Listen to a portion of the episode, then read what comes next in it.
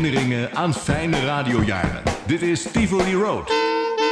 Met Mark Hermans en Ben van Praag. Het is zondag, Ben, en wij hebben het nog steeds over dat prachtige verhaal van Radio Maeva. Uh, je hebt verteld bij de oprichting van Maeva dat de bedoeling was... het moest overal te ontvangen zijn in Vlaanderen. Ja. Heb je daar voorbeelden van? Ja, um, we waren denk ik uh, helemaal in het begin... we waren twee weken bezig en uh, Peter Hoogland zat er ook bij. Die kwam op een gegeven ogenblik naar Ukkel gereden... en die zei van kom Ben, ga mee, stap in mijn auto... en we gaan eens zien tot hoe ver Maeva eigenlijk te ontvangen is. Want dat wisten we nog niet. Er was ook geen telefoon of, niet, zo. Dus we zijn in zijn uh, Fort Capri gestapt. En we zijn vanuit Ukkel vertrokken richting Gent.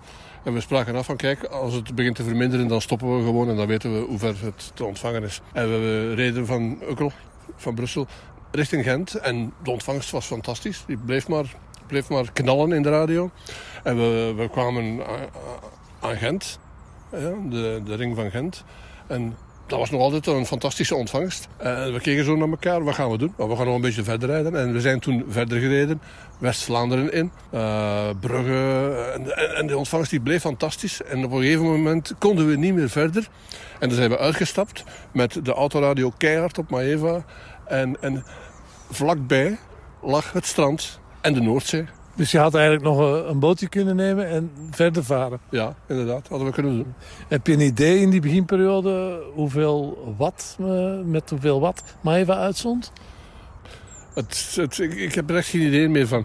Maar dat had ook te maken met de versterking via de, via de mast, via de antennes natuurlijk. Dat waren speciale antennes. Eh, dat was uh, Noël, Noël Dont die dat voor uh, Maeva regelde allemaal. En dat was een, een wizard. Die zorgde ervoor dat hij inderdaad tot aan de kust te ontvangen was. Je kreeg dan wel brieven, denk ik, in het begin van Maeva. Heb je nog, nog zoiets dat je zei van... oh, die komt van ver, die brief? Uh, dat ging tot, in, tot, aan de, tot aan de kust. Vanuit Nederland kregen we ook regelmatig uh, brieven. Er zijn heel veel mensen die, die uh, nu nog altijd herinneringen hebben aan Maeva in Nederland. Dus dat ging wel heel, heel ver. De eerste weken dat we daar toen uitzonden, kregen we al brieven via de postbus. En uh, Ron van der Plas, die zat daar toen samen met mij in het appartement.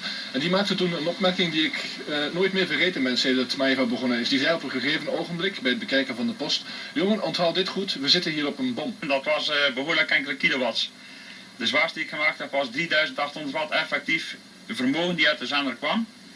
Was zelfs op drie fases op drijfkracht. Dat betekent vermenigvuldigd met de winst van de antenne dat, uh, dat de uitgestald vermogen hoger lag als dit van de zwaarste zender die van de BRT gebruikt wordt hier in België.